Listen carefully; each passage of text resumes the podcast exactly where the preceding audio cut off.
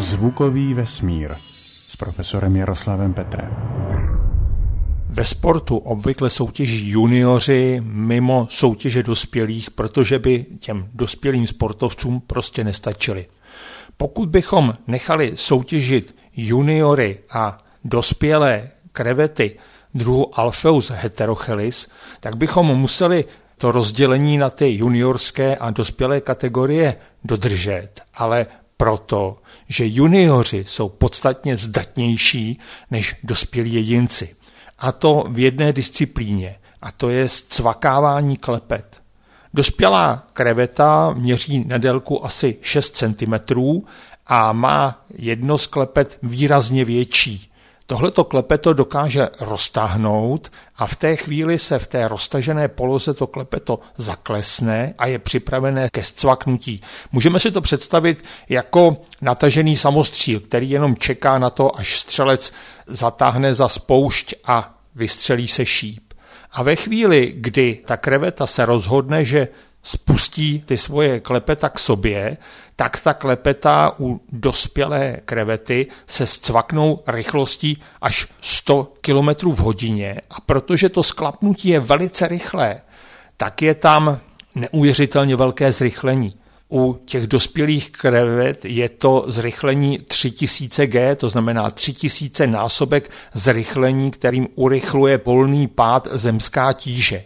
Pokud bychom měřili, a to se teďka právě odehrálo v jedné laboratoři ve Spojených státech, pokud bychom měřili výkon těch juniorských krevet, tak jim naměříme zrychlení těch klepítek, těch čelistí 60 tisíc G, což je asi nejrychlejší pohyb, jakého jsme svědky v podmorském světě. K čemu je tohleto těm krevetám dobré, takhle rychle zcvaknout klepeta?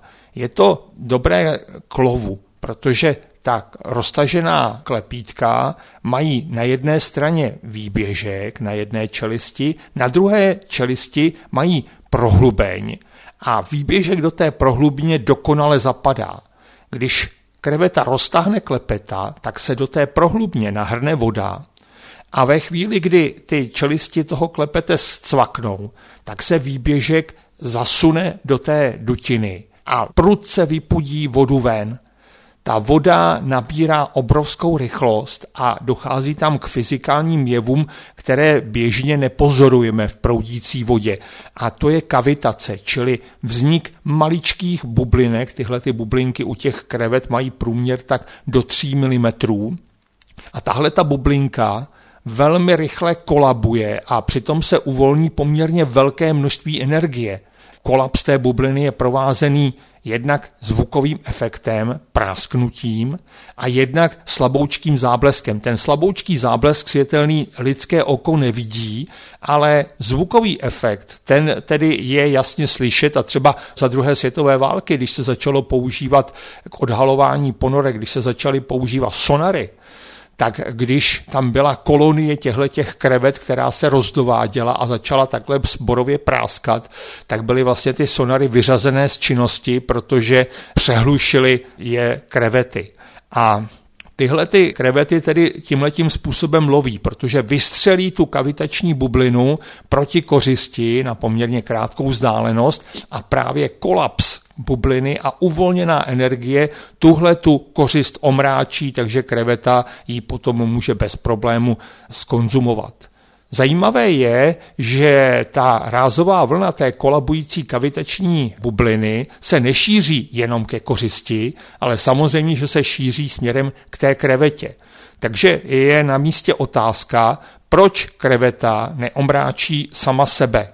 Ukázalo se, že kreveta je proti tomu pojištěná, protože na hlavě v okolí očí má takový systém jehlovitých výběžků a právě o tyhle ty jehlovité výběžky se rázová vlna způsobená kolapsem kavitační bubliny roztříští, takže kreveta ten náraz vlastně nepocítí. Pokud vědci odstranili krevetám tyhle ty výběžky, tak ta kreveta byla sama sebe schopná omráčit. To znamená, pustila tu kavitační bublinu a chovala se jako boxer po těžkém KO, nebyla třeba schopná vůbec prchat před nepřítelem. Krevety nejsou jediní podmořští živočichové, kteří jsou schopni udeřit takovou rychlostí, že to vyvolá kavitaci. Podobně kavitace vzniká při úderu strašků, což jsou vzdálenější příbuzní korýšů a stražci tak zabíjejí svoji kořist prudkým úderem jednoho páru končetin.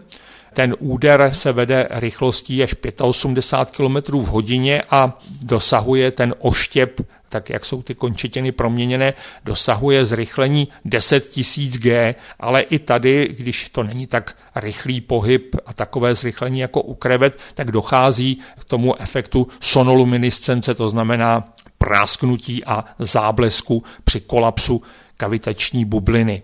Zajímavé je, že právě ti malí jedinci, ať jsou to ti stražci nebo krevety, tak podávají lepší výkony než větší jedinci. Prostě pohybují těmi končetinami rychleji a tam právě s narůstající velikostí klesá účinnost toho úderu.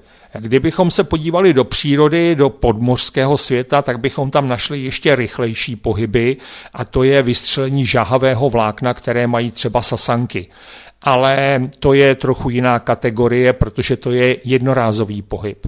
Ta žahavá buňka vystřelí to vlákno prostě jenom jednou a tím ta buňka zaniká a pokud chce sasanka vystřelit další žahavé vlákno, musí použít jinou žahavou buňku.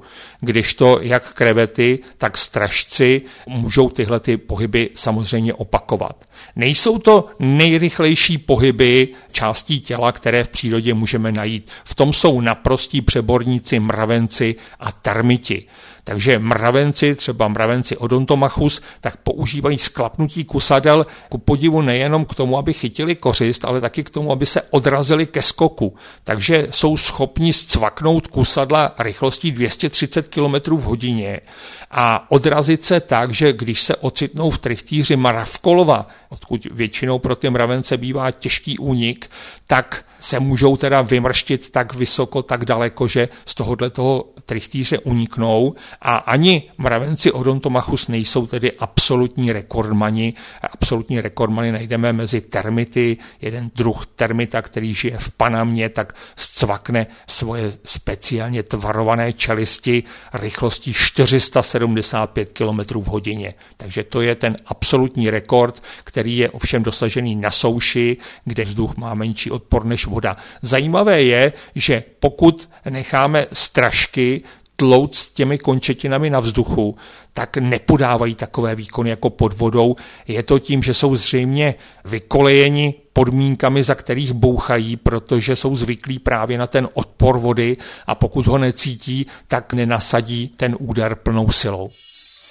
Další příspěvky zvukové přílohy vesmíru najdete na vesmír.cz lomeno zvukem. Děkujeme za pozornost.